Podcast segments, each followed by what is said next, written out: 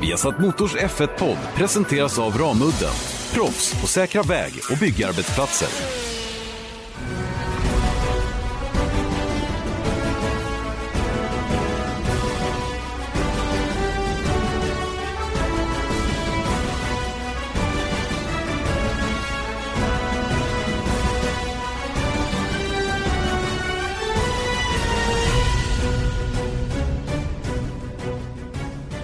Varmt välkomna då till veckans Formel 1-podd. Vi har satt Motors Formel 1-podd med Janne Blomqvist och Erik Stenborg. Eh, ganska mitt i sommaruppehållet faktiskt utav årets mästerskap och det gör ju att vi eh, kan faktiskt ta lite tid i veckans podd att gå igenom samtliga förare på griden eh, och eh, göra vår bedömning så att säga då. Kanske ingen sifferbedömning men en liten magkänslebedömning i alla fall över prestationen så här långt och titta lite på vad de gjort och varför det har blivit som det har blivit och vad man kanske förväntar sig framöver. Eh, vi kommer givetvis också prata det senaste Indycar-racet på Pocono Raceway som blev lite omdiskuterat, inte minst då med tanke på startsmällen som inträffade där, bland annat då Felix Rosenqvist var inblandad. Eh, och eh, ni kommer dessutom att få en ny lyssnarfråga besvarad utav Kimi Räikkönen i samarbete med Betsafe. Eh, Erik Stenborg, mitt i flyttstöket, det har vi pratat om några gånger nu, i en eh, inträngning, en liten enrummare där i, i Gröndal i Stockholm. Mm, hela familjen, det är mysigt, får vi se det som. Man måste alltid se saker från den positiva sidan. Faktiskt så har jag, jag, eh, jag är inte så mycket för så här inspirational quotes och sånt där, men då, sen så läste jag en bok av en kille som heter Phil Knight som, han startade Nike, så han kan ah. man ju lyssna på i alla fall. Mm. Och eh, då, då säger han att define yourself by the things you love, inte vad du är emot. Och det är väl en fin tanke. Det är en väldigt det... fin tanke. Den borde, många, den borde många ta till sig tycker jag. Mm. Så jag har tak över huvudet, det är rent, ganska fräscht och eh, det är lite litet, men eh, det är gemytligt. Det är så jag försöker se det. Och du har hela familjen runt omkring dig. Exakt. Hela, hela tiden. Alla är friska hittills. Ja, är det inte Så underbart? Det är, är det inte ja. underbart? Ja, nej men jag, eh, jag har inte riktigt samma situation. Jag var ju, eh, jag var på Gällråsen i helgen faktiskt. Mm. Och tittade på, eh, på tävlingarna där nere. Jag hade med mig kollegan från Autosport som har varit med i våran podd, Scott Mitchell som fick följa med och eh, åka på, på en racerbana. Han hade faktiskt en rolig idé för podden så småningom som, som handlar om hur många banor man har besökt. Mm. Och där man faktiskt har sett bilar köra, tävlingsbilar köra. Så vi, ska, vi ska ha en, en, liten sån, en liten sån sittning med honom längre fram här under året och eh, kanske redan eh, nu i närtid innan säsongen startar om igen. Jag tycker det var lite kul idé faktiskt. Han, han var otroligt nöjd över att häckla sina kollegor över att han faktiskt var på Gällråsen och såg tävlingar. Det kommer ingen av hans kompisar att göra. På Autosport Nej. alltså. Men då tycker det... jag att vi, vi måste köra ett SM då också. För då, ja. då är det enda chansen jag har att eh, vinna över er två. Ja, ja så, så kanske det är. Va? Men, men, eh, du har säkert varit på banor som vi aldrig har varit på. Och framförallt kan ju det här locka fram rätt så roliga stories från olika ställen vi har varit på genom åren. Mm. Eh, han, han, berättade att några på Autosport hade faktiskt över, hade varit på över hundra banor i världen. Och sett okay. biltävlingar. Det är ju fasen imponerande alltså. Mm. Ja, men det är ju det, om man täcker in så här allting i Storbritannien så kör man lite Formel E och sen så kör man Formel 1. Där har du ju 60 stycken typ. Nej, det ja, inte. visst, men, men det, är fort, det, är fortfarande 50 kvar. Mm. Jo, det är sant. ja, man får jobba på det lite. Jag, jag, jag, vet, jag, jag kommer aldrig komma, jag, kommer, jag, jag, vill inte vara med i den här podden. Nej, men du kan, du kan vara moderator. Ja, det, det är det. Är. Du kan moderera och Scott. Ja, hur som helst, vi var där i alla fall och kollade på tävlingen i Gällråsen och sen då eh, raka spåret till Stockholm för att göra racet från Pocono och jag har ju numera fått ett nytt smeknamn, eh, givit mig själv ett nytt smeknamn som är Rainman. Mm. Det, det, det, fly, det, flyter inte riktigt på när det gäller vädret och valracingen för min del eh, när det gäller Indycar. Men eh, vi får se. Det är en chans kvar nu nästa helg att få mm. ett, ett, ett, ett ostört race helt och hållet. Och det har ingenting med smarthet att göra? Inte det minsta, jag är hur begåvad som helst. Det, det handlar verkligen om regn. exakt, exakt, ja. exakt. Ja, mm. nej, men så är det. Så är det.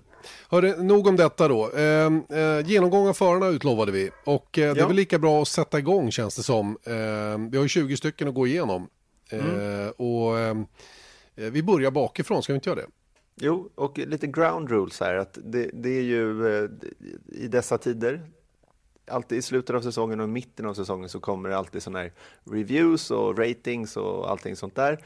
Och eh, då sätts det siffror. Och eh, då vi kanske inte, vad ska man säga, man kanske har lite, inte hela bilden för att det, det, det är svårt att få den helt enkelt och därför tycker, har vi alltid lite problem då med att sätta de här betygen som kommer. Men vi ska däremot prata igenom varenda förare och mm. som du sa så gör vi det eh, enligt tabell bakifrån och uppåt så att säga. Och längst bak George, George Russell från, eh, som kör en Williams. Ja, så är det faktiskt. Han ligger längst bak i mästerskapet trots att han har dominerat sin teamkamrat under året i, Williams. Eh, Robert Kubica fick ju den där poängen eh, i Tyskland då efter, eh, efter Alfa Romeos eh, eh, bestraffning där de flyttades ner. Fick en 30 sekunders tidsstraffning och därav poängen då för Robert Kubica. Så noll poäng fortfarande för George Russell. Men, men vad har han gjort då så här långt under säsongen? Jag tycker att han har gjort Eh, ett bra jobb, nummer ett. Jag tycker också att han har tagit stegen eh, som gör att han hela tiden har blivit eh, bättre och bättre. Han på något sätt börjar lära sig vad det handlar om, han börjar lära sig däcken eh, och, och tycker att han oftare och oftare maximerar vad den där bilen klarar. Eh, sen kommer det inte att räcka till några poäng om det inte är extremfall. Så att förmodligen så kommer han att hamna bakom Robert Kubica när säsongen är slut också i VM. Och poängen som man kör ihop är inte hela sanningen, väldigt sällan hela sanningen. Eh, och i det här fallet är det definitivt på det viset. Va? Så att det, det svider mm. nog lite för Russell att han, att han är kvar på noll och att Robert Kubica har den där ettan. Va? Men, men eh, jag tycker Russell ändå ska vara nöjd med säsongen. Eh, bilen var ju skräp från början, de hade ju inte ordning på någonting egentligen och har ju fått jobba väldigt mycket i motvind då, från teamet. Men, men, Russells attityd och humör har varit hyfsat uppe hela tiden och jag tycker som sagt att han gör helt rätt. Han bara jobbar på, han böjer ner huvudet och och, och, och satsar det han har att satsa, nämligen att bara hela tiden köra ifrån Robert Kubica, vilket han gör. Eh, vi pratade faktiskt om det lite grann i helgen, att det var lite grann av en, en lose-lose situation för honom. Va? För att hade han fått stryk av Robert Kubica i år, då hade man tyckt att han var inte så himla bra. Va? Att eh, få stryk av en enarmad förare då, enarmad inom citat. Eh, kör han ifrån Robert Kubica så får han inte heller riktigt den credden som, som han kanske förtjänar då. Kubica som många eh, uppfattar inte riktigt håller den nivån som han gjorde en gång i tiden. Va? Så att, det är lite lurig situation för en sån som Russell då som, som naturligtvis ämnar att komma högre upp på griden längre fram i karriären då. Så att eh, det, det, det är starkt gjort av honom. Och vad han ska göra framöver? Ja, han ska bara fortsätta göra det han har gjort tycker jag. Eh, jobba på, eh, bidra till att teamet sakta men säkert får lite bättre ordning på den här bilen och sen eh, bara sikta på 2020 helt enkelt. Det, det är mm. min uppfattning i alla fall. Alltså det som du sa där om poängen, det han däremot har i statistik mot Robert Kubica är att han är en av två förare på årets grid som har kvalat ut sin teamkompis i samtliga kval.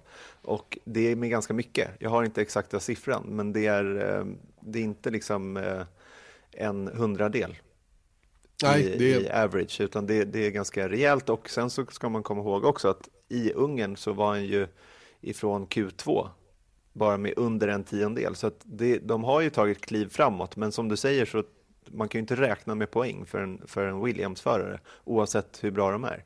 Men jag tänker på en sån, sån sak runt Russell, att jag håller med dig i allt, allt du säger, men apropå det här att skaffa sig hela bilden är ju att väldigt mycket press, alltså media överhuvudtaget, är ju baserat i Storbritannien. Så att det kommer ut ganska mycket artiklar runt Russell och där det bland annat står då att he's a future world champion som Pat Simmons har uttryckt sig om i veckan. Och jag, jag hävdar inte att han inte är det, men däremot så tror jag att sitter du i sämsta teamet och är längst bak i VM så har han fått osedvanligt mycket press.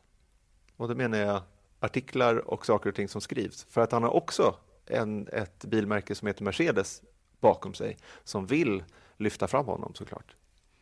Så är det ju och eh, vi vet ju tongångarna i Polen till exempel. Det är, det är mycket, mycket surr om att eh, Kubica inte har samma förutsättningar och hela den biten. Va? Och vi, vi kan väl relatera till sådana diskussioner från fjolåret också när när eh, Marcus Eriksson var en likadan situation. Charles Leclerc backade av Ferrari, eh, Ferrari-motor i, i, i Sauberbilen och så vidare. Va?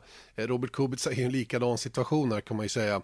Eh, en Mercedes junior då för William, Williams då med Mercedes-motor. Va? Så att, och det, det, det väcks väl den där typen av diskussioner ganska snabbt. Då. Men, men som sagt, Russell får mycket mycket omnämnanden, kanske lite, lite väl mycket för att vara där han är just nu. Då. Men, men som sagt, jag, jag är ändå utifrån vad jag ser och känner runt omkring den här killen så tycker jag att han gör ett himla bra jobb ändå. Eh, för det är ingen lätt situation att sitta där bak i kön och köra en hopplös långsam bil. Eh, det kräver oerhört mycket mental kraft att orka hålla mot motivationen uppe. Mm. Och då går vi vidare till Robert Kubica som jag nu hittade statistiken. Han är alltså on average, alltså i snitt då, en, eh, en halv sekund bakom Russell i kval. Det är oceaner av tid. Och jag tror att mycket av det här, alltså Robert Kubica, man ska inte glömma bort det, att det när han var i Formel 1 senast då, åtta år sedan, då var han, vad ska man jämföra honom med? Charles Leclerc kanske? Max Verstappen? Han var ju en, en, en världsmästare about to happen. Just det, och med nyskrivet kontrakt med Ferrari då, om vi, om vi får tro det som har sagts. Eh, trots att han skulle köra en säsong till då för, för eh, Lotus var det väl på den tiden. Så att eh, det är ju, eh, ja det är en, eh, det, det, är spännande det här med Robert Kubica. Det, det, har ju varit så himla mycket surr fram och tillbaka huruvida han fysiskt eh, är, är redo att göra en comeback eller var redo att göra en comeback. Han tycker själv att han har bevisat alla att det är han han har inga som helst problem med att köra, som, köra Formel 1-bil då, med, med, med den här högerarmen då, som, som är illa tilltygad då, efter rallykraschen. Då. Men, men jag vet inte om det stämmer ärligt talat. Va? Utan det är väl någonting han måste säga. Och, och det, pratar man runt lite grann så är all, alla är inne på det. Att han kan inte vara, eh, han kan inte vara eh, liksom en, en fullgod förare just med anledning av skadan. Och eh, jag, jag kan omöjligt göra den bedömningen. Jag ser ju bara vad, vad som händer på banan.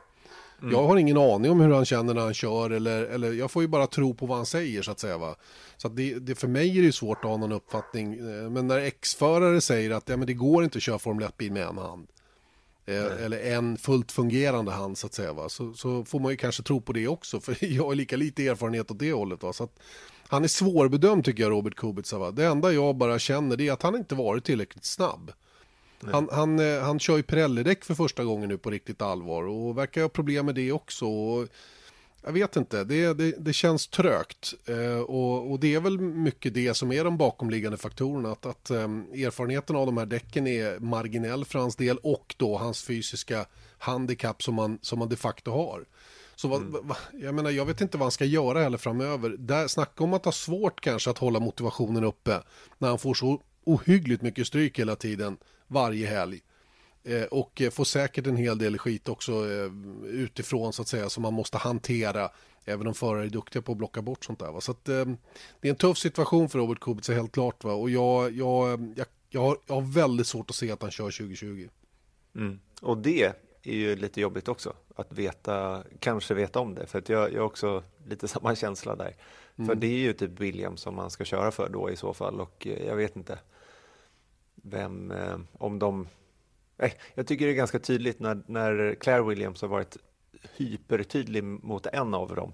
Och då menar jag George Russell såklart och sen så väldigt otydlig mot Kubica om mm. han ska köra vidare och sånt där. Och det tycker jag talar sitt tydliga språk. Så att jag räknar inte med att han är i i, i F1 nästa år. Men det tycker jag är så synd för att man såg verkligen, det var en av de här grejerna som jag såg fram emot i början av säsongen, att se Robert Kubica på banan igen. Och jag hade också mina tvivel utifrån vad andra har sagt. Eh, ex eh, Formel 1-förare som sa att, som du sa, att det kommer vara svårt för, för honom att köra en F1-bil, en modern F1-bil enarmad så att säga. Men eh, mm, det är tråkigt, men det, det är som sagt att saker och ting kan vända och då måste han vända det själv.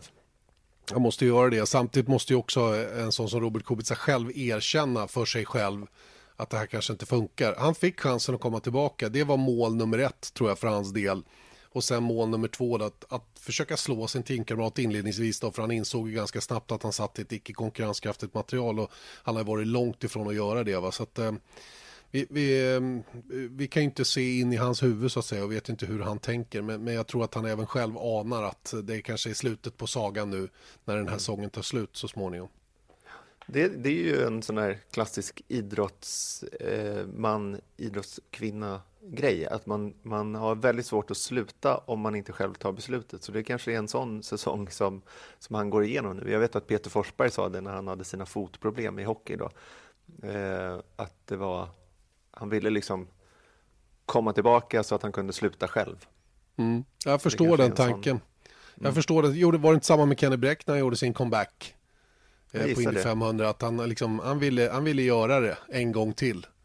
Eh, och, sen, och sen säga att nu lägger jag hjälmen på hyllan, liksom, för nu, nu är det klart. Nu har jag fått mm. göra det en gång till efter en svår skada. Då. Yep. Nu åker vi till Italien och hittar nummer 18 i eh, tabellen och det är Antonio, Antonio Giovinazzi. Mm, han eh, ligger 18 i mästerskapet, kör för Alfa Romeo Racing, är rookie den här säsongen, kom ju in då på, på eh, Ferraris eh, på, på Ferrari, att Ferrari hade den där platsen så att säga då, i, i teamet.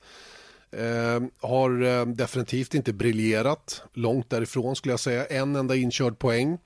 Eh, har, eh, tycker jag, gradvis eh, ökat farten, framförallt över ett varv, men har fortsatt väldigt stora problem att sy ihop det på söndagarna när poängen ska köras in. Och det mm, har haft också lite olika, för några kvalprestationer har ju varit riktigt bra, men han har bestraffningar och allt vad det nu har varit. Men jag tycker generellt att han har problem med racingen. Jag tror också mm. att även han har problem med att anpassa sig till de här däcken då, som, är, som inte bara är svåra för de som är erfarna och för, vi, för flera av teamen att, att få kontroll på. Eh, och det gör det ju inte lättare då för en nykomling att komma in, eh, att, att liksom plocka upp de bitarna också, samtidigt som teamet själva har svårt att veta hur de här däcken ska köras optimalt. Och där har en kille som Kimi Räikkönen då som man kör emot mycket, mycket mer erfarenhet att luta sig mot. Och det tycker jag är, det, det, har vi sett ganska tydligt den här säsongen att det är på det viset för Antonio Giovinazzi. Va? Jag tror inte det är någon fel på hans förmåga att köra fort. Det är bara, det är bara att plocka ihop alla bitarna. Va? Och det ingår ju i jobbet att vara Formel 1-förare. va, Så det kan ju vara en, en, en stor nackdel när eh, nya kontrakt ska, ska pratas om då inför 2020 och så vidare. Va? Så att eh, det, det, det är lite bekymmersamt det här för Giovinazzi för, för eh, söndagarna är viktiga och VM-poängen är ju viktiga för ett team som Alfa Romeo. De måste ju ta uh, lite mer poäng för att verkligen komma så högt upp i konstruktörs-VM som möjligt eftersom det är värt så mycket pengar. Och då, och då, blir, ju, då blir det ju ännu mer ögon på Antonio Giovinazzis söndagsprestationer som, som, som inte är på den nivån där man kan förvänta sig tycker jag. Mm. Vet du hur många race han startat säsongen 2017-2018 totalt? Som man har startat 2017-2018? Nej, det, kan, det, är väl årets, det är väl årets säsong det. Ja, alltså, ja så 2017, 18, ja just det, det är 19 nu. Ja. ja, jag vet ja. inte exakt hur många det är. Tre stycken. Tre stycken, ja just det, han körde tre, eller två blev det va, i, i säsongen 17. Mm. Och sen så ett eh, någon annanstans alltså i eh, 2018. Så att just det, han körde Le Mans, va, tror jag. Mm. Och så att, jag tänker här med rattrost. Mm. Att det, det, det, kan ju faktiskt vara någonting att om man sitter på sidlinjen och han kör väl och han testar väl och vet, gör lite andra köraktiviteter. Men det är en stor skillnad tror jag. Alltså om man jämför med Robert Kubica till exempel. Han har inte kört mycket på åtta år. Jag menar det kan också vara. Det är inte som att cykla tror jag, att tävla i Formel 1. Verkligen inte. Va? Och, um, det intressanta med Antonio Giovinazzi det är att, att Ferrari håller honom väldigt högt som utvecklingsförare, det vill säga som simulatorförare. Och det mm. har ju de här lite yngre killarna en stor fördel av för att de, de är mer eller mindre uppväxta med att sitta och köra simulator av olika slag. Jag säger inte att ett, ett, ett väldigt avancerat inom tv-spel då är samma sak som kör Ferraris racing simulator men det, det, är ändå, det, det, är ju ändå en annan sak än att köra på riktigt och eh, där kan man ändå göra en hel del nytta. Så det är möjligen det då som, som, eh, som Ferrari kanske tittar på att de är nöjda med honom i det avseendet men inte så nöjda med vad han har presterat för Alfa Romeo. Så det, det kan vara så att han, de tar tillbaka honom till den positionen. Mycket mm. möjligt. Man får se. Eh, det får man göra, det får man göra va? men, men ehm, ja, det är lite en tuff situation återigen för Antonio Giovinazzi i år tycker jag. Mm. Då går vi vidare och det här är någon, min första liksom, aha, du vet om man verkligen tittar på tabellen på det här sättet så tittar man på 17 plats och där har vi Romain Grosjean. Åtta poäng har han tagit in och han har eh, slutat som bäst sjua i år. Mm. Och eh, det är lite chockartat tycker jag. Visst 17 är det det och det, det har ju att göra med att han återigen då hade en fruktansvärd eh, inledning på säsongen där ingenting funkade för hans del. Va? Han har ju visat eh, glimtar av väldigt, väldigt bra fart, eh, ingen tvekan. Va? Men, men eh, har tillsammans med teamet och den här bilen som han har tagit fram till i år haft jätteproblem att få ihop allting till 100% och även gjort en del egna misstag som, som har varit rent av klantiga. Jag tänker på när han kör ut i depån där på mm. Silverstone. Eh, kör ju fortfarande med den gamla specifikationen på bil. Eh, mycket för att han själv vill det men också för att teamet behöver det. För att kunna lista ut varför årets bils senaste specifikation inte riktigt är på den nivån där man vill ha den. Va? Så eh, det är väl en kombination där. Och, och eh, Romain Grosjean har ju underpresterat. Det måste man väl ändå säga. Eh, tycker mm. jag. Eh, en svår person att sätta fingret på vad det egentligen är. Jag tror han är väldigt, väldigt mycket en känslomänniska och eh, det, det hämmar honom en hel del. Eh, tror jag. Och, och ehm, gör att han hamnar i, i stökiga situationer. Men samma, samma känslomässiga beteende gör ju att han kan vara vindsnabb emellanåt. Och jag vet ju hur högt ansedd han var i Dams. Mm. GP2-team, de, de, har aldrig haft en så snabb förare i det GP2-teamet som när han körde där. De, och det är många duktiga förare som har kört för Dams genom åren, va? men de håller Romain Grosjean otroligt högt när det är hans förmåga att vara snabb. Men, men ehm, det är ju som sagt, som vi, som vi har berört nu, lite mer saker som måste, som måste funka för att man ska bli lyckosam i Formel 1 så att säga. Va? Så att eh, det är det är, en, det är en lurig förare där och, och um, om vi tittar på um, vad som kommer att hända för hans del framöver och vad han måste göra framöver. Han måste börja konsekvent vara högre upp och ta poäng. Eh, hjälpa teamet då att, att ta mer poäng, eh, komma lite närmare Kevin Magnusson som har tagit tio mer än vad Grosjean mm. har gjort hittills den här säsongen. Va? Om man ska få behålla den här platsen, för det är ju frågetecken det. Han har inget kontrakt för nästa år med Haas. Eh, om jag har förstått saken rätt så har Kevin ett kontrakt för nästa år. Eh, inte bekräftat till 100% va? men bakvägen har jag förstått att han har åtminstone en väldigt tydlig option på att fortsätta eh, i hans eh, även 2020. Och det, det gör ju att Grosjean sitter ännu lite mer löst till så att säga då. Och alternativ finns ju, tror jag.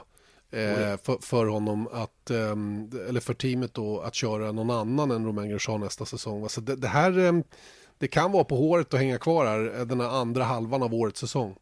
Mm. Han har alltså varit en halv tiondel eh, i snitt då bakom Magnusson i kval, 10 poäng mindre än Magnusson som sagt, men sen han eh, började köra med den här Old Spec hasbilen som de började säsongen med i Australien så har han faktiskt varit något bättre än Magnusson.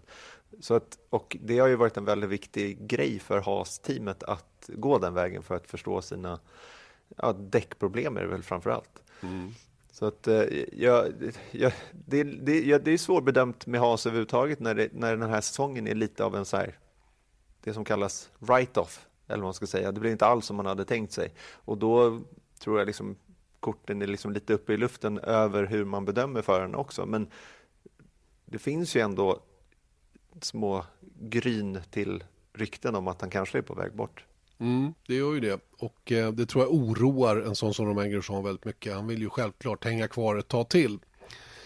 Eh, ja, det, jag har inte så mycket att tillägga när det gäller honom. Eh, vi, vi som, återigen, alltså, man har inte hela bilden. Det, det, och jag, det har jag lärt mig de här åren när vi har kunnat jobba väldigt nära Marcus Eriksson. Att utan ha hela bilden, hela bilden verkligen, så är det svårt att göra en korrekt bedömning till 100%. Så den här är eh, den här gjord eh, genom att titta utifrån och in. Och det ska man ha väldigt mycket med sig när man bedömer rent allmänt, tittandes på tabeller, poäng, inkörda poäng och vad det nu är för någonting. Det finns massor med underliggande faktorer som, som glöms bort eller som man aldrig får reda på. Som, som när man kanske får reda på dem tänker, aha, var det så? Inte konstigt då. Men, men eh, som det ser ut just nu, en, en tuff säsong för Romain igen då. Sergio Perez på 16 plats, 13 poäng och har slutat som bäst sexa. Och eh, han är ju en sån där uh, typ som är, när det finns ett, en pallplats att ta, då brukar Sergio Perez ta den. Något som jag tycker var lite talande, eller synd, var ju i Tyskland. När uppenbarligen den här pallplatsen var inom räckhåll så kraschar han tidigt i racet och eh, missar allting och istället blir det Lance Stroll då som kliver fram och tar en, en enorm poängskörd, vilket har gjort att eh, Sergio Perez faktiskt ligger bakom Stroll i, i VM. Mm, fem poäng bakom är han just nu, Sergio Perez, som ändå har varit den där tycker jag, stabila föraren som man, som man har vant sig att se. Han håller en väldigt hög lägstanivå. Sen kan det diffa lite grann när han är riktigt på topp, eh, till skillnad mot när han har mindre lyckade helger. Men han har alltid en väldigt hög lägstanivå tycker jag ändå. Eh, otroligt hämmad givetvis av att Racing Point då hade ett knepigt läge eh, vid den här tiden förra året. Eh, då man fick starta om och det var ju ett kritiskt skede när årets bil skulle designas och byggas och vilket, vilket projekt man skulle jobba efter och skulle pengarna komma in och så vidare. Va? Det gjorde de till slut och Perez förlängde och körde vidare för, för det ny, nynamnade Racing Point-teamet. Och, eh, 13 poäng med den där bilen tycker jag ändå rätt så bra gjort av Sergio Perez måste jag säga, sett till, sett till hur den har sett ut i förhållande till övriga startfältet. Så att eh, han, han, är, han är en stark driver. Nu såg jag att han, han uttalade sig här, var det i veckan eller var förra veckan, om att han kommer inte att vara i Formel 1 för evigt. Eh, det kostar väldigt mycket pengar för honom att köra i Formel 1, inte för honom personligen, men, men det är ett oerhört hårt arbete givetvis att, att se till att ha backningen hela tiden, att hänga kvar. För tåget har nog gått för honom att han är i ett stort team. Han, han fick ju chansen ett år i, i, i McLaren där, vilket blev pannkaka för hans del. Och sen, sen har han liksom aldrig gått igenom den där bubblan utan han sitter kvar där i mittfältet och då, är, då tror jag att um, han, han personligen tittar lite på alternativ så småningom när, när det liksom tar för mycket kraft att hela tiden jobba hårt för att hans sponsorer ska fortsätta att vilja satsa på honom trots att de riktiga fina resultaten inte kommer. Mm. Så att det, det, är ett tufft, tufft läge för, för Sergio Perez. Va? Men, men eh, han räknar med att förlänga med Racing Point till nästa år. Säger han ju själv i alla fall. Att det är bara, precis som han har sagt ganska många säsonger nu, att ah, men det är bara lite tag kvar när jag skriver på. Jag räknar med att skriva på väldigt snart. Mm, mm. Jag vill bara säga om, om de där 13 poängen. Vet du när, när de kom? Nej. Bahrain, Kina och Azerbajdzjan. Då tog han en poäng, fyra poäng, åtta poäng i eh, Azerbajdzjan då och det var hans senaste poängplats. Sen så mm. har det bara nollats sen dess. Så att eh, de hade ju lite slagläge där i början men sen har de inte tagit poäng. Sen Nej. april typ. Nej, de har, de, har haft det, de har haft det jobbet med den här bilen och den har inte levt upp till de förväntningar de själva har. De har ju en B-spec B-spec-bil på gång när det nu dyker upp här efter sommaruppehållet någon gång. I alla fall en väldigt, väldigt stor uppdatering igen då. De har ju jobbat ganska mycket med den under året hittills men det ska ju om jag förstått saker rätt komma ytterligare en, en större uppdatering för deras del eh, som, som man ställer stora förhoppningar till och det är ju någonting som det här teamet har varit bra med, bra på tidigare då. Andrew Green har ju varit, varit duktig med att få eventuella nya grejer att funka direkt på banan. Teamet har vidtagit åtgärder, man jobbar ihop med Mercedes vindtunnel i Brackley, har hela sin aerodynamikavdelning inne i Brackley där, där Mercedes är baserade, eh, vilket är i och för sig väldigt nära deras egen fabrik som också håller på och växer just nu då. Så att, eh, vill, vill Perez köra vidare så tror jag hans, eh, hans bästa, bästa möjlighet till det är att hänga kvar i det här teamet ändå där han är inarbetad väldigt, väldigt väl just nu då. Det finns ingen anledning för honom att titta på något annat, för det är bara att gå åt sidan, inte uppåt. Mm. Då går vi vidare ja. och kommer till en ganska spännande person och det är Alexander Albon. Eh, står fortfarande i, eh, i tabellen som en Toro Rosso-förare, men det är han inte. Han kör ju för Red Bull från och med i Belgien och han har skrapat ihop 16 poäng och eh, får nu chansen i Red Bull och tar många många fler. Mm. Ska vi börja med vad han har gjort hittills den här säsongen så tycker jag att eh, han hade väldigt lite erfarenhet av Formel 1 när han kom in. Hade ju aldrig kört en Formel 1-bil innan testerna drog igång i princip. Shakedownen var väl hans första gång han körde en F1 överhuvudtaget.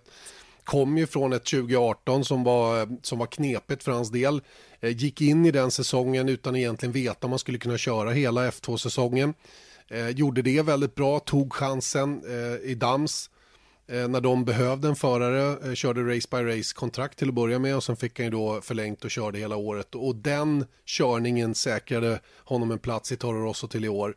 Och eh, jag tycker att eh, det har varit lite blandat eh, misstag och, och, väldigt, väldigt stark körning tänker på Kina till exempel där han kraschade och, och, och stökade till det för sig själv eh, startpositionmässigt men körde upp sig till en poäng efter otrolig, en otrolig avslutande stint som, som imponerade väldigt, väldigt mycket på mig. Och killen har väldigt mycket fart i kroppen känns det som och, och en, en Eh, Eh, en bra attityd till saker och ting, eh, hyfsat gott självförtroende eh, och ehm, jag tror att ehm, jag tror att Red Bull är väldigt nyfikna på att se vad han kan göra nu när han tar steget upp i moderteamet här tillsammans med Max Verstappen och, och ehm, Ehm, det är ju det som blir intressant nu, för det, det, känns som att han ändå är Red Bulls första val för en plats i Red Bull 2020 och nu gäller det bara att bekräfta det under året. Va? Och, och baserat på det han gjorde under 2018 i Formel 2 där han kom in på ett bananskal så blir det lite samma sak här.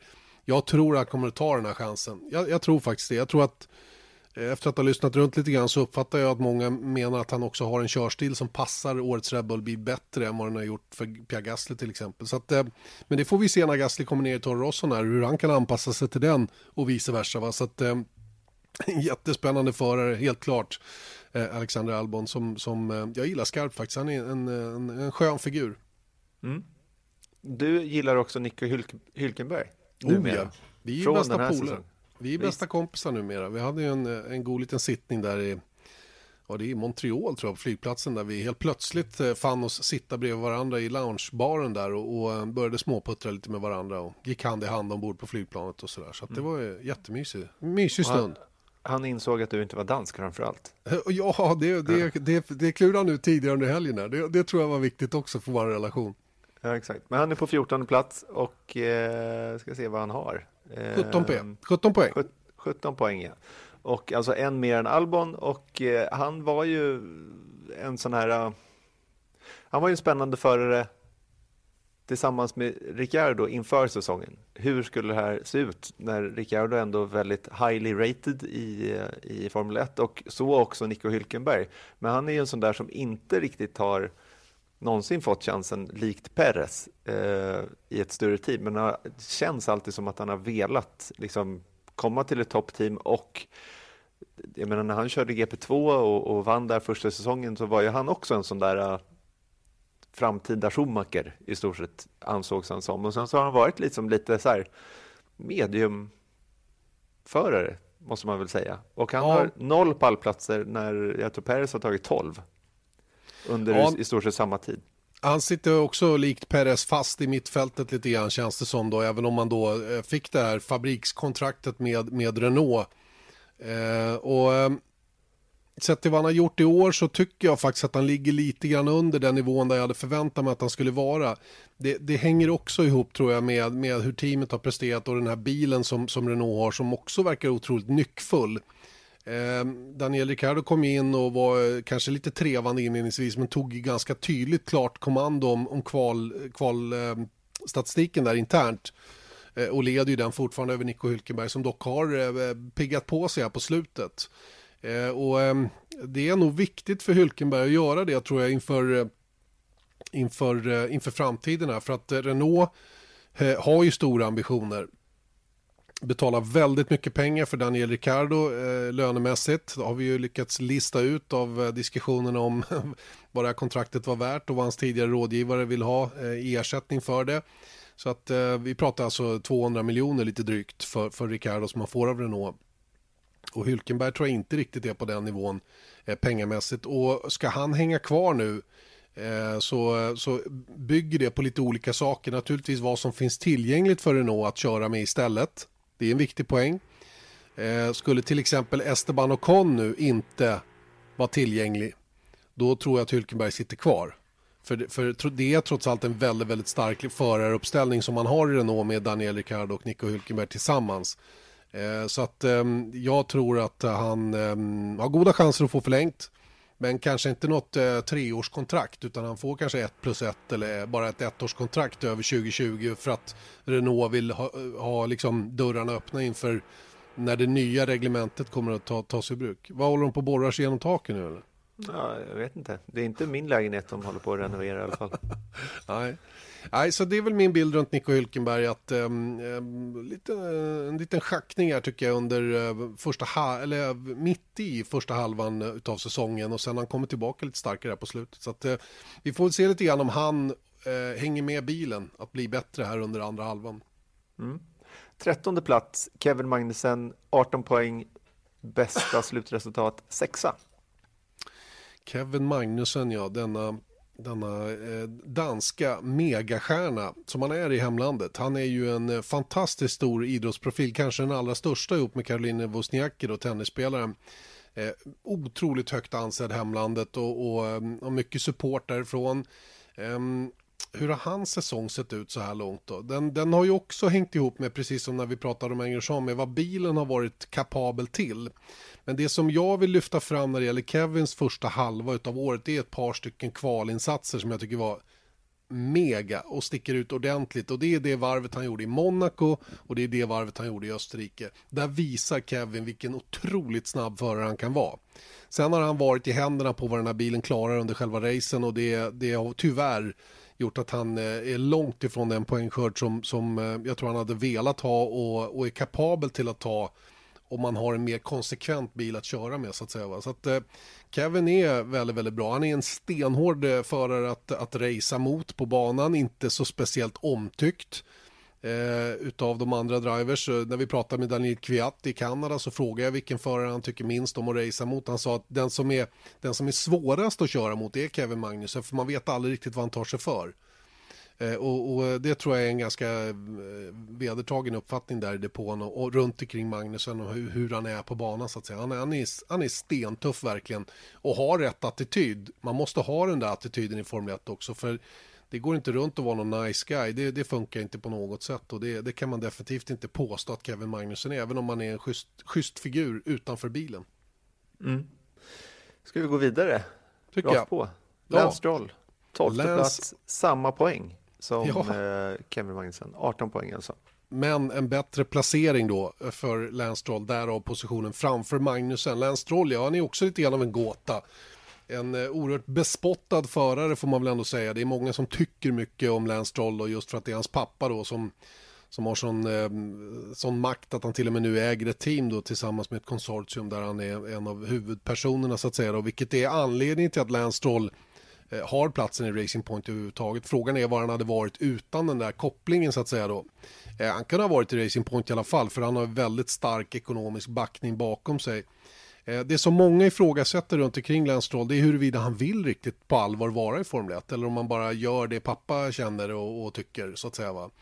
Eh, han är väldigt, väldigt svår att intervjua, han har väldigt nyckfullt humör, han är inte speciellt trevlig som person när man möter honom face to face.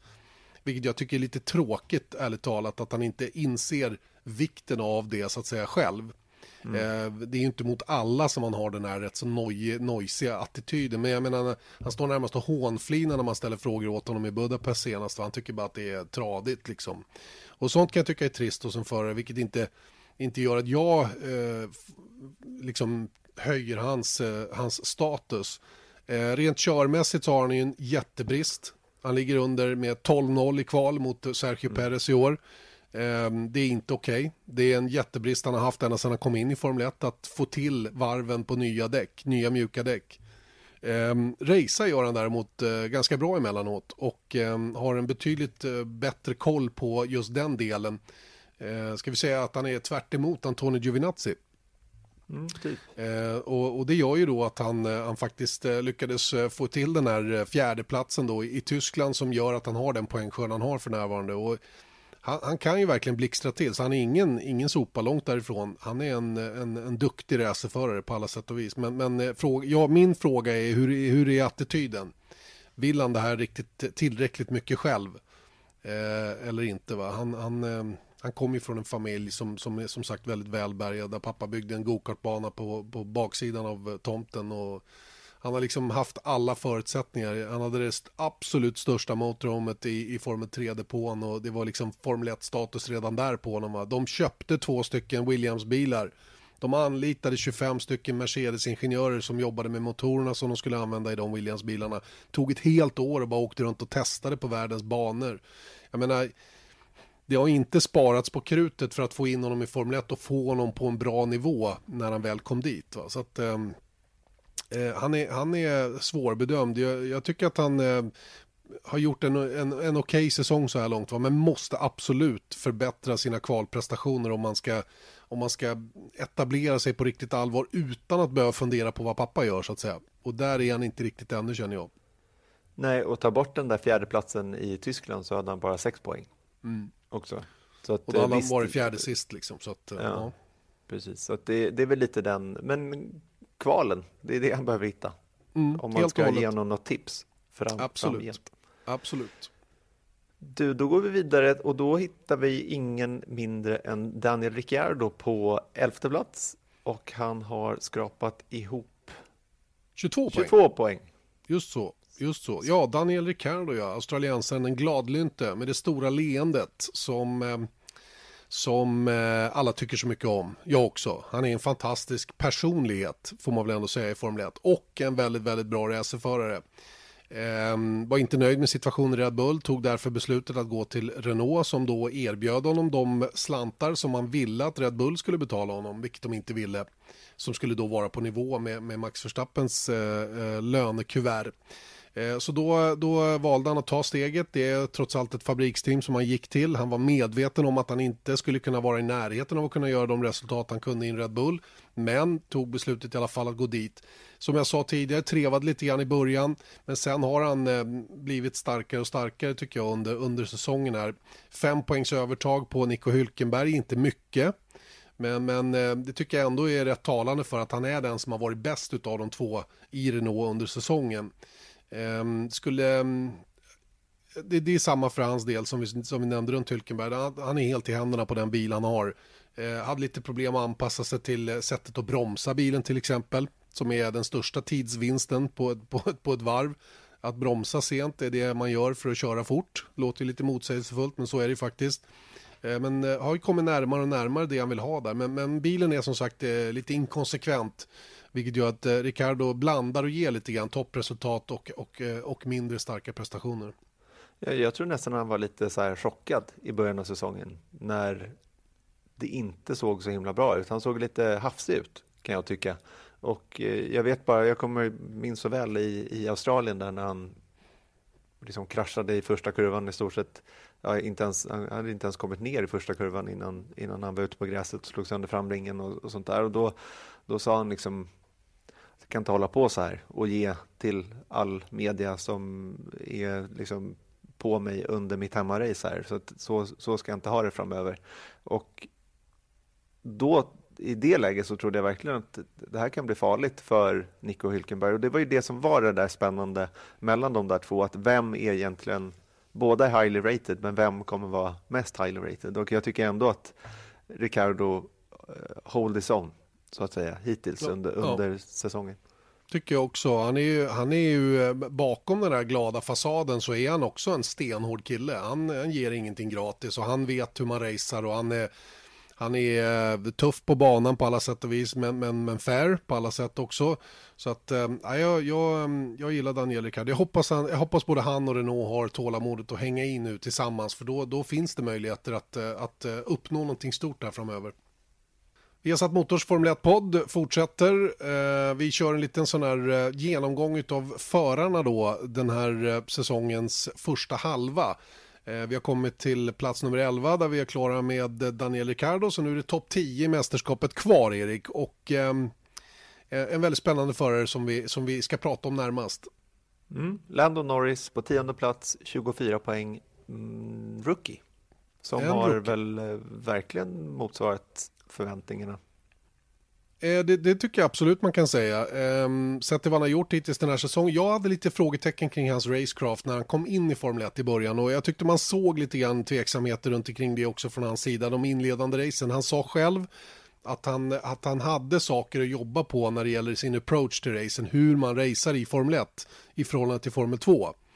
Eh, och ehm, det, där, på det området har han definitivt tagit sig. Han är vindsnabb över ett varv, riktigt, riktigt bra när det gäller att kvala. Har haft lite grann otur, eh, teknik och lite andra saker som har inträffat. Eh, men men eh, jag tror inte att McLaren är missnöjda med, med, vad, eh, med vad Landon Norris har gjort hittills den här säsongen, snarare tvärtom. Det där är en kille för framtiden. Eh, som, som eh, om han till exempel satt i en av de tre bästa bilarna utan vidare skulle vara på rätt nivå på en gång, precis som typ Charles Leclerc Eh, Max Verstappen är just nu, även om Verstappen har varit en toppbil ganska länge nu, så, så eh, är han en kille som jag lägger in i, i, i den gruppen av förare så att säga. Va? Jag gillar Lando Norris jättemycket och han har en lång och härlig framtid framför sig tycker jag inom Formel 1. Ja, verkligen. Sen så tycker jag då att, än en gång det här då, jag vill inte snacka ner Lando Norris, absolut inte, för att han är, han är en skön person och en väldigt bra förare, speciellt under en rookie-säsong. Men om man tittar då på Carlos Sainz, han har 24 poäng, Lando Norris har 24 poäng och eh, Carlos Sainz har 58.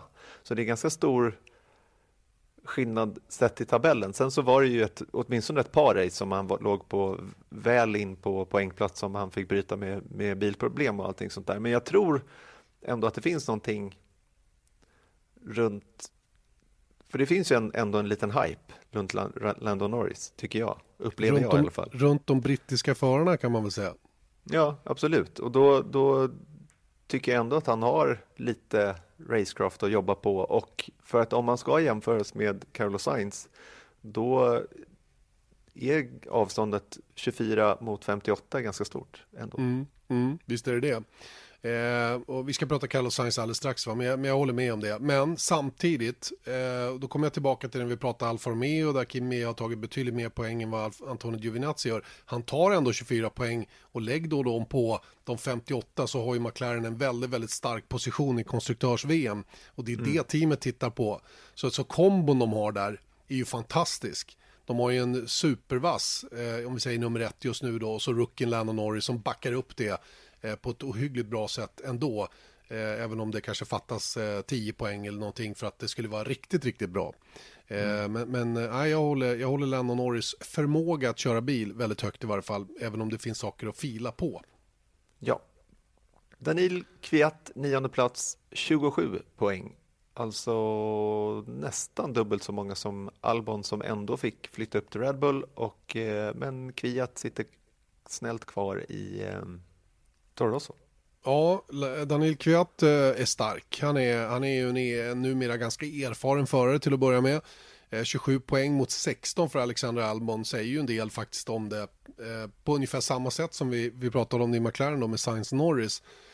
Kviats första halva av säsongen har också varit lite upp och ner. Där han blandat och gett lite grann men, men varit stark vid rätt tillfällen. Och anledningen till att han har så mycket poäng som 27 det är ju tredjeplatsen i Tyskland. Mm. Eh, där, där, han skrapade ihop 15 på ett bräde och, och ehm, då, då, är man ju före sin teamkamrat såklart. Eh, han har annars varit bakom. Mm. Eh, så, så, att ehm, jag tycker, jag tycker Daniel Kviat gör en bra comeback-säsong. Fick chansen att komma tillbaka in i Formel 1 efter att ha åkt lite in och ut och han säger själv att hans karriär har varit lite grann av en berg och dalbana och det får man väl ändå hålla med om. Eh, har, ha polerat bort de värsta bristerna han hade tidigare tycker jag till den här comebacken och eh, har ju fått mycket beröm för att han har mognat en hel del också. Sen, sen eh, får han väl eh, tacka sin eh, lyckliga stjärna för att Red Bull har lite svårt med återväxten just nu och att han därför blev påtänkt igen. För annars tror jag inte det hade varit självklart.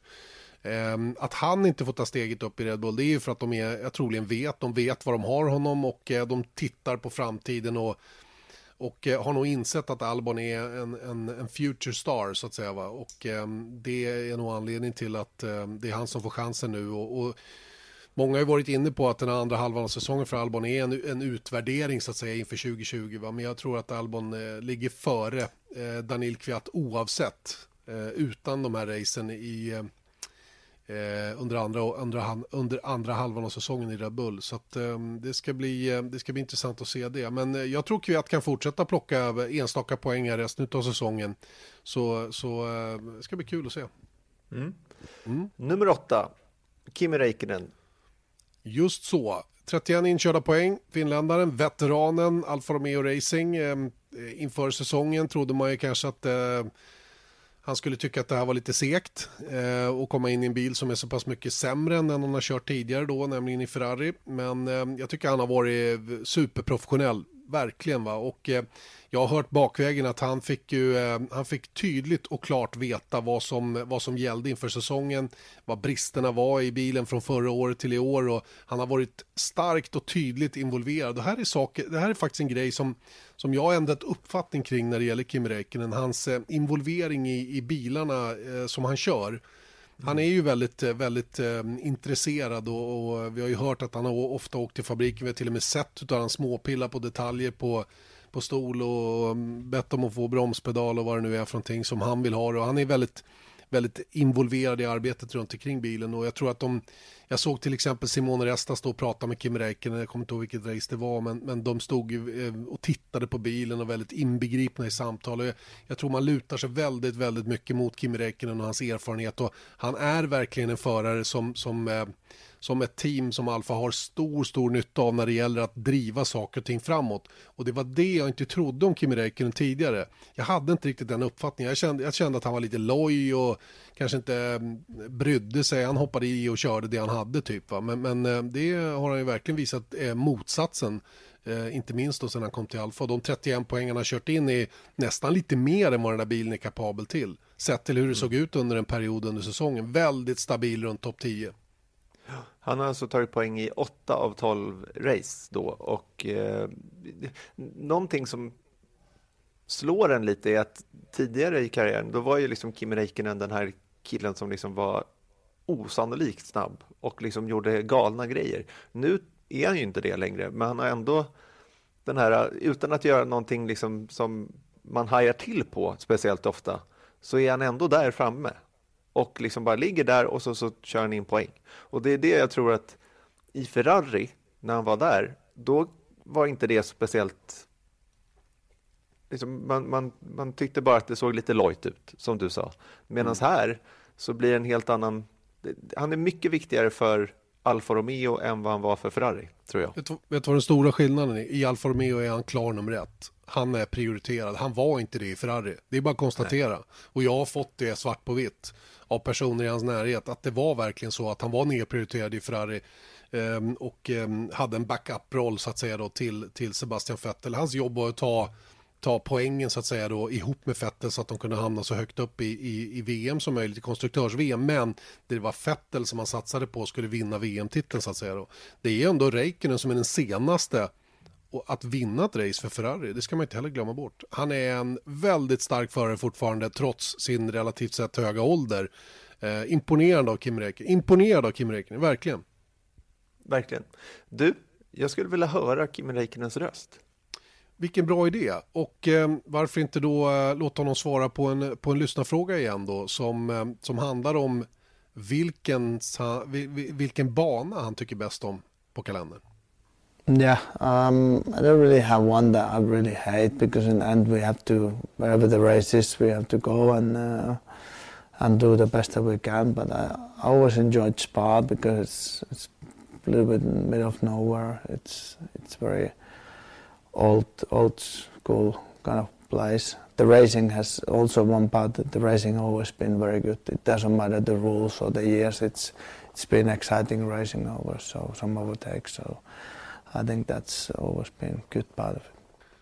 Ja, ingen skräll Erik att det är Spa som är favoritbanan för Kimi Räikkönen eh, som de allra flesta förarna har som favoritbana faktiskt. Och det var Gustav Örn som hade ställt den här frågan då. Eh, eh, ett svar som jag fått då i samarbete med Betsafe och Kimi Räikkönen, ah, han, han, han, drar väl inte på direkt. Han tycker den är lite trevlig för den ligger in the middle of nowhere typ. Det är hans, det är hans argument för det.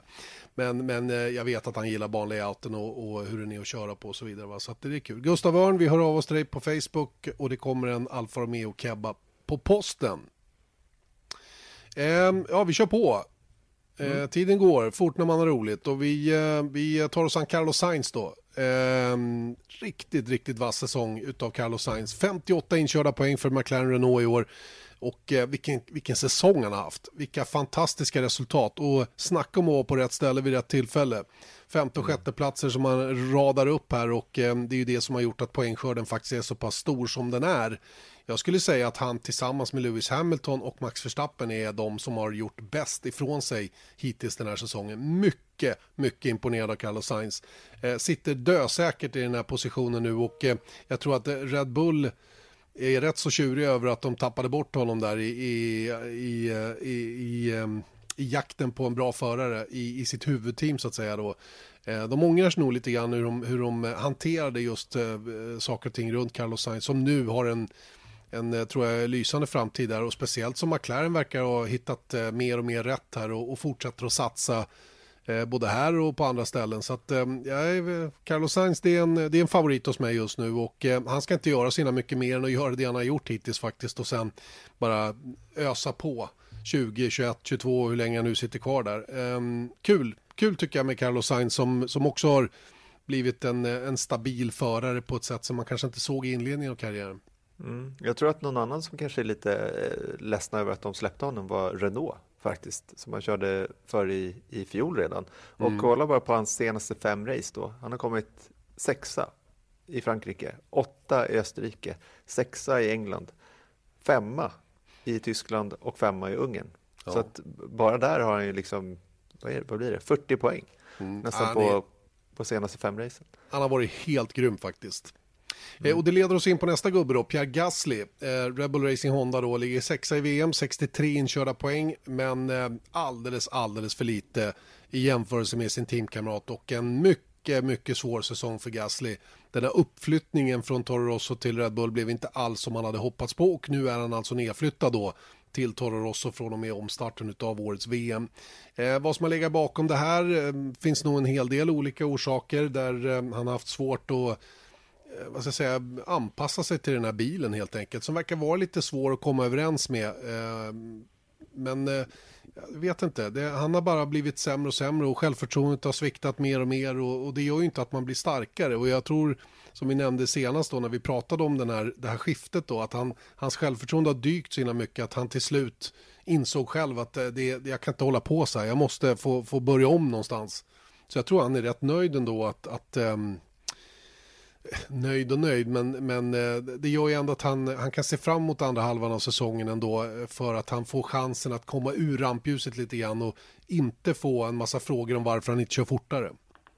Absolut. Det som jag tycker bara liksom talar lite halvt emot det där är att okej, okay, han kommer ur rampljuset, men jag tror att det är väldigt svårt, kolla på Kviat, eller Kviat, att det är svårt att komma in i rampljuset igen därefter. För när man mm. har fått chansen så, jag vet inte om man kommer få chansen igen i Red Bull.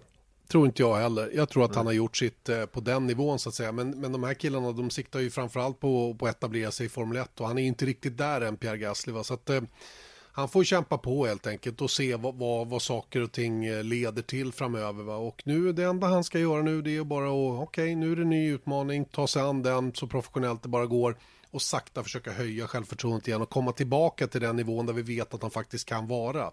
Men 63 poäng mot 181 för Max Verstappen, det är ju långt, långt, långt ifrån godkänt och det var också det som ledde till att han nu petas eh, och flyttas ner till, till Toro Rosso istället. Yes, och på femte plats har vi Charles Leclerc från Monaco som sitter i en Ferrari och har kört in 132 poäng under säsongen hittills. Vad känner du runt denna monegask? Eh, jag tycker att han, eh, han har varit precis så bra som jag förväntade mig att han skulle vara. Varken mer eller mindre egentligen. Han, han, eh, han, jag, jag vet att Charlie Leclerc inte har allting på plats ännu när det gäller att köra de här bilarna så fort det bara går. Han har brister när det gäller däckshantering till exempel. Har han själv varit inne på. Vi såg de tendenserna redan förra året i Alfa Romeo. Så att jag tror att Leclerc sakta men säkert håller på att eh, köra in sig i Ferrari och, och den här säsongen 132 poäng, han är 30, vad är han, 24 bakom Vettel, det är ju helt klart godkänt. Eh, det som gör att de inte är högre upp i VM det är att Ferrari-bilen inte har varit tillräckligt bra. Eh, det har varit några eh, hjärtskärande haverier för hans del. Jag tänker på Bahrain i första hand. Eh, att det inte gick riktigt hela vägen i Österrike en annan. Eh, han hade ju utan vidare också kunnat varit före Sebastian Vettel i VM med, med eh, en bil som funkade i Bahrain då och eh, att han kunde hålla första platsen i Österrike. Va? Så det, det, är bara små, små marginaler från att han faktiskt är etta i Ferrari och till och med före Sebastian Vettel. Så att en, en bra säsong hittills av Charles Leclerc som, som nog sitter säkert där i Ferrari. Eh, åtminstone de, den här och en säsong till. Sen får vi se vad de hittar på då till, till 2021 så småningom. Men jag tror att det är Leclerc man, man bygger runt för framtiden hos Ferrari. Mm. Och jag tror att det där är ganska spännande i sig då att okej, okay, han är 24 poäng bakom Vettel, men att han är bara 25, 24 eh, poäng bakom Vettel och hade kunnat vara närmare eller kanske rent av förbi om saker och ting hade fallit annorlunda ut.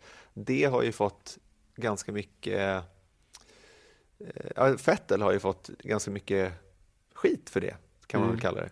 Visst är det så. Visst är det så många hade nog förväntat sig att Vettel skulle dominera Leclerc lite mer än vad han har gjort hittills den här säsongen och Vettel har ju sett lite skakig ut emellanåt också så att eh, ja. Eh, och det leder väl in oss på Vettel då som ligger fyra i VM just nu 156 inkörda poäng.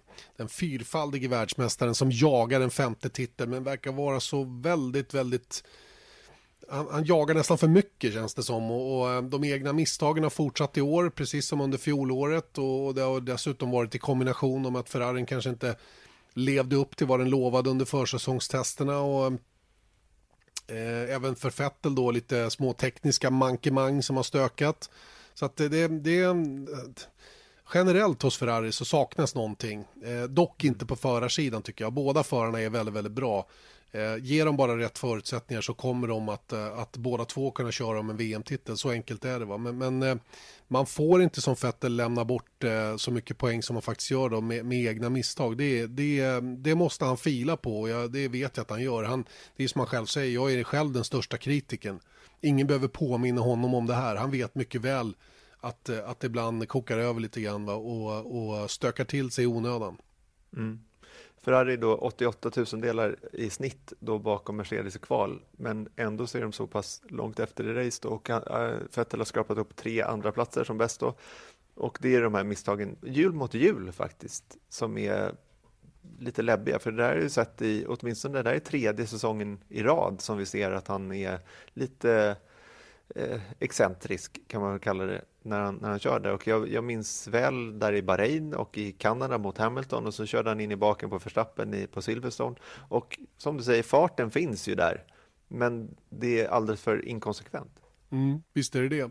Och det är kul för då när vi kommer till trean i mästerskapet Max Verstappen så är det precis raka motsatsen. Här har vi en kille som har haft den här tendensen tidigare men som någon gång halvvägs under fjolåret ändrade sin attityd Eh, när vi pratade med honom i Frankrike var det väl vi satt ner med Verstappen så var han väldigt tydlig med det att han, han hade tillsammans med pappa Jos kommit fram till att nu måste någonting göras eh, när det gäller attityden till racingen och det är precis det som har gjort att han har lyckats så himla bra i år. Eh, nämligen att han, han försöker inte köra fortare än vad bilen klarar utan accepterar mer det han har han, han, kan åka hem en helg och vara nöjd med en fjärde plats snarare än att han är besviken över att inte vara tvåa. För även om man visste att han kanske inte skulle kunna vinna, men han tog i lite för mycket eh, inledningsvis och, och liksom försökte hitta tiondelar som inte var möjliga att hitta. Och när man kommer fram till det där, att man ska lägga sig på bilens gräns, då kommer poängen mycket, mycket enklare och, och eh, mer automatiskt att säga. Då. Det är precis det som har hänt för Max Verstappen i år, som är den enda i VM i år som har vunnit ett race förutom Mercedes. Eh, mm. Och det, det säger också en hel del om, om dels hur, hur, bra teamet har förbättrat sig och fått ordning på saker och ting och hur mycket bättre Honda har blivit men framför allt hur bra Max Verstappen mår just nu och hur, hur, hur det visar sig i resultaten på banan. Mm. Om man tänker då på hans första seger som kom i Österrike, första segern eh, i år då med Red Bull och så första segern för Honda på väldigt, väldigt länge. Och det är just den här grejen som jag tycker är ganska talande, är att han bommade ju starten där och han var åtta efter start. Men han kan liksom på något sätt, apropå det du säger, att han, han accepterar sin situation och försöker förbättra sig så mycket det går därifrån. Och då är han åtta in på första varvet men eh, segrar in i mål ändå.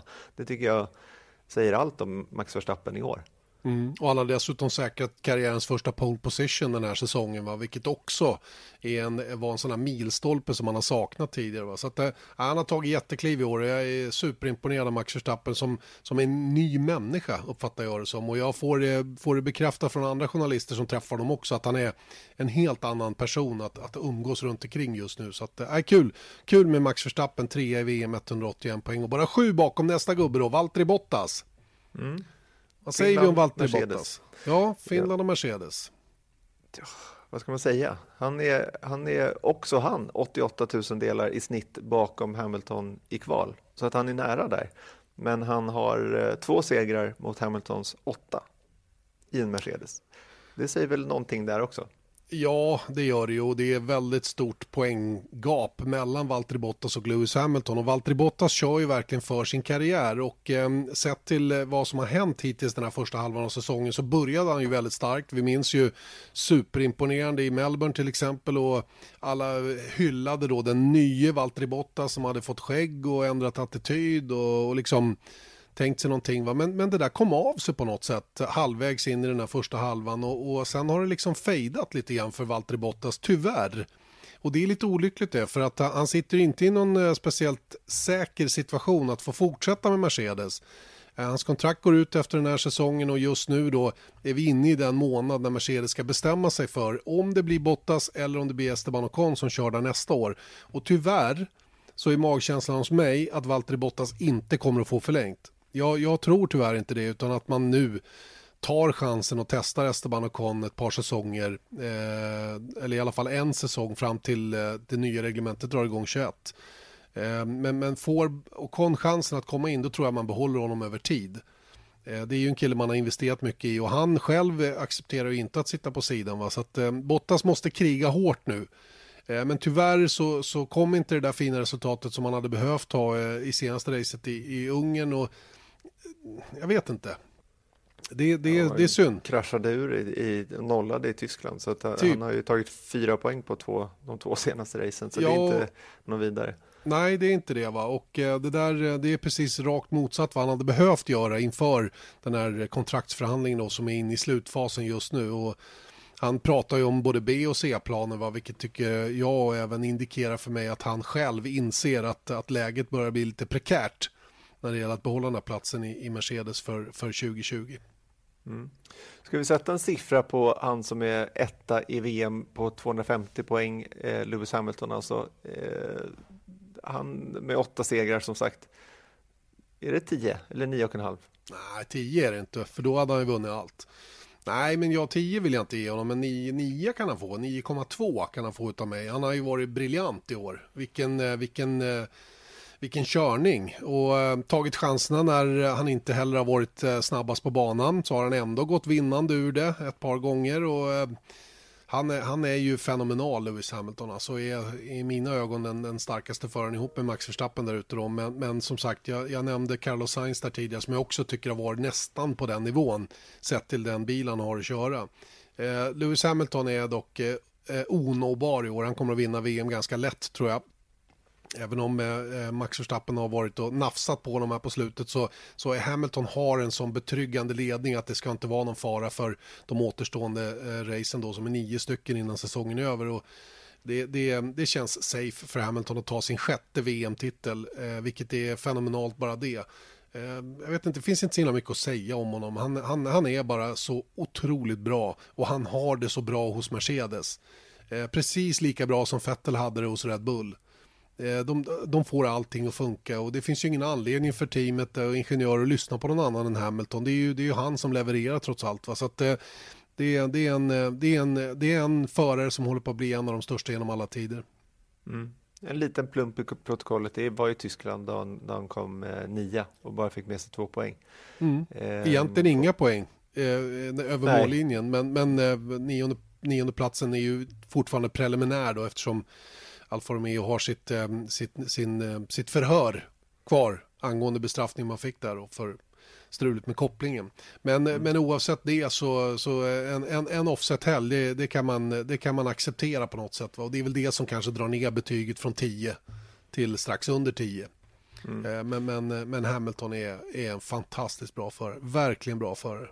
Mm. Och eh, han har 81 racesegrar i det här läget och jag tror att nästa år så kommer han gå över 91 som är alltså det tidigare rekordet som Michael Schumacher just nu innehar. Just så, är det på, på det viset så, så är han ju ännu tydligare en av de absolut allra bästa genom alla tider. Och, och som jag har sagt tidigare, han gör det också på ett, eh, på ett, på ett snyggt sätt på något vis. Jag vet inte, han är ingen, du, ingen kan påstå att Lewis Hamilton kör fult. Jag tror aldrig någon har sagt något ont om hans sätt att agera på banan eller, utan han är bara så himla snabb. Mm. Det finns säkert exempel på det också, men det är inte speciellt ofta. Verkligen inte. Va? Han har ju haft brister tidigare där han, eh, när, när, när det börjar skaka, liksom, så att när, när, bilen kanske inte är som man vill ha och han blir tvungen att överköra, att han också kan göra misstag såklart. Va? Och det, det behöver han ju inte nu, för Mercan är så pass bra. Eh, men, men det är väl möjligen det då, men annars är han ju närmast komplett skulle jag säga. Eh, det om detta. eh, lite kort innan vi rundar av eh, Indycar-racet på Pocono Raceway. Eh, vi har gått igenom hela eh, startfältet nu i Formel 1 och, och försökt ge, oss, eh, ge er vår bedömning av, av läget där. Men, men eh, lite kort om Indycar, Erik. Eh, och Pocono Raceway som var nu i helgen då, där eh, det blev väldigt omdiskuterad krasch där i början av racet där fem förare försvann på en gång, däribland då Felix Rosenqvist. Eh, stökig tävling tycker jag, eh, märklig bana, väldigt, väldigt mm. snabb. Den, den, andra 500 miles, eh, det, det andra utav två 500 miles race som körs, det första är ju på Indy 500 Eh, och en superspeedway då. Men, men eh, får mycket kritik för, för banan tycks inte vara i harmoni med, med Indycar-bilarna och två allvarliga olyckor nu efter varandra och, och allvarliga olyckor bakåt i tiden också gör ju att den ifrågasätts nu och jag, jag undrar om den kommer att få förlängt kontrakt och finns, finns kvar på kalendern nästa år. Ehm. Det känns ju det, men, men, kan inte du ge lite bakgrund? Varför är Pocono... Visst, visst vi, har ju, vi har ju sett eh, ja, Robert Wickens var ju, det var ju där han skadade sig förra året och eh, det går oerhört snabbt, det är oerhört brett och allting sånt där. Men vad är problemet just med Pocono? För de kör ju på eh, Indianapolis Motor Speedway och Texas och allting. Mm, men ehm, ja, jag är ju inte någon expert långt därifrån på det, på det här. Men, men min bedömning utifrån när jag ser det är att banan är så oerhört bred på raksträckorna. Ehm, men, men har en utformning av kurvorna som gör att det kanske inte finns så många spår in i svängarna. Och eh, när fältet är väl samlat som det var nu i början så kommer alla i bredd.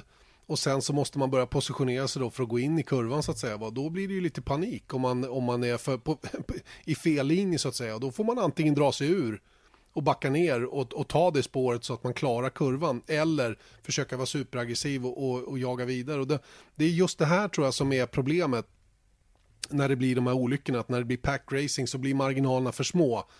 Och det är nog mera det som var bekymret i starten senast där att man på andra varvet, eller första varvet första racevarvet utav 200 eh, går ihop på det här viset och, och det orsakar då en allvarlig olycka där man i de här farterna när man touchar i varandra så är det lätt att en bil blir luftburen och man flyger upp i det här så kallade catchfence som finns eh, och det kan ju sätta spinn på bilen och orsaka väldigt svåra skador och det var ju det som hände Robert Wickens Eh, och, och, och, var på vippen att hända för Felix Rosenqvist. Va? Det är det där som är det dumma med den här banan tror jag som, som gör att den inte riktigt funkar eh, att, att köra de här bilarna på. Eh, farterna ihop med utformningen av kurvorna tror jag är, är, det stora bekymret. Jag vet att det är många som säger ja men samma olycka hade kunnat hänt på Indianapolis 500 och det har hänt allvarliga olyckor där också och det, det hänger ihop med farterna givetvis. Va? Men, men eh, det är, det, är en, det är en knepig utformning på den. Va? Och när väl racet kommer igång går det nästan inte att köra om.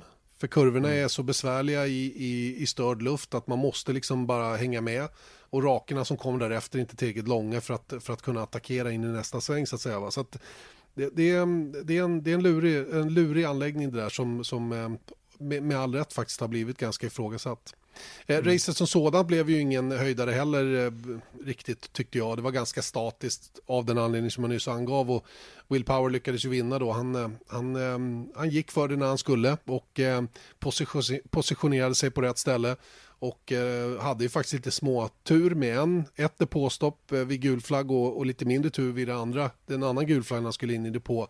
Men, men eh, var stark rent allmänt, väldigt, väldigt bra fart på honom hela tiden och jag tycker han var en rättmätig vinnare. Eh, trots att man då bara körde 128 varv av 200 när det återigen då blev regn. Eh, för Rosenqvists del så blev det ju en tur till sjukhuset där men eh, vad jag förstått så är han väl vid hyfsat god vigör, lite mörbultat säkert, hade lite ont i huvudet och ont i ryggen sades det efteråt och ehm, Eh, det var det då som gjorde att man ville kolla upp honom lite extra då på ett, på ett sjukhus, kanske röntga honom lite bättre med bättre utrustning så att säga än vad som finns på, på Medical Center då vid, vid själva banan. Så det, mm. det var nog klokt. De andra förarna var ju oskadda men många har ju varit tjuriga på Takuma Sato. Han har fått mycket skit efter det här och, och ansetts vara vållande och det, det är också svårt att peka ut honom som, som ensam vållande till det här. Det, han hade för små marginaler. Jag tror att eh, det, det blev för små marginaler. Han var för aggressiv i början. Vi, vi hörde ju andra förare prata om att de backade ur situationen när de såg vad som var på väg att hända. Och det, det, det existerar inte för Sato riktigt. Va? Och då blir det lite för tajt. Jag tror inte han styrde ner Eh, och, och liksom gjorde sådana grejer. Utan det var någon kombination av bilarna innanför, drev ut lite grann för att eh, centrifugalkraften gör det och, och Sato ville försöka hänga på bilen framför då som var Scott Dixon. Och de här två, det blev liksom the perfect storm på något sätt. Mm. Ja, det är mycket rimligt. Men, men eh, nu går vi ju från en ovalbana till Gateway utanför St. Louis. Just det, en betydligt mindre och långsammare eh, ovalbana. Tillbaka till eh, typ Iowa. Eh, det kommer fortfarande gå väldigt fort men man kör med road course-varianten på bil eller road course aerodynamik på bilen. Eh, och eh, en helt annan typ av racing. Och jag är lite, lite oroad när det gäller just Rosenqvist då, som nu har varit inblandad i, i tre krascher på de här superspeedwaybanorna och han är inte jätteförtjust i att köra wallracing och jag tror inte att det hjälpte till att han smällde som han gjorde senast. Eh, litar liksom inte på dem man har runt omkring sig till 100% och då blir det ju svårt att att kanske prestera på den nivå man ska göra. Eh, Marcus Erikssons race här senast eh, såg ju ut att kunna bli hyfsat bra. Han gjorde en ruggig bra omstart bland annat och var med högt uppe men farten i bilen fanns inte. Han klagade över understyrt och sen över generell brist på grepp. Jag hoppas han kan komma tillbaka bättre på, på Gateway här nu och göra några bra resultat där på slutet så att eh, han får lite lättare i kontraktsförhandlingarna inför nästa säsong. Mm. Ja, det får man verkligen hoppas. Nu har han tre race på sig att visa ja. vad han går för. Exakt så är det. Um, ja, det var väl eh, det hela va? Det tycker jag. Det var väl en matig podd. Tycker jag. Dryga timmen, lite mer Visst. till och med. Ja, en och en kvart faktiskt har vi hållit på just nu så att det blir bra. Det blir bra. Kan ni njuta av eh, på väg till jobbet nu när alla börjar jobba igen efter semestrarna. Vi har ju en lite tag kvar innan vi måste sparka igång på riktigt allvar. Men eh, många är tillbaka från semestrarna igen. Och eh, vi är tillbaka med en dåres envishet om en vecka igen med en ny podd. Då ska vi börja snacka upp återstarten av Formel 1 på Spa-Francorchamps. Har det gått så länge då? Detsamma. Viasat Motors F1-podd presenteras av Ramudden. Proffs på säkra väg och byggarbetsplatser.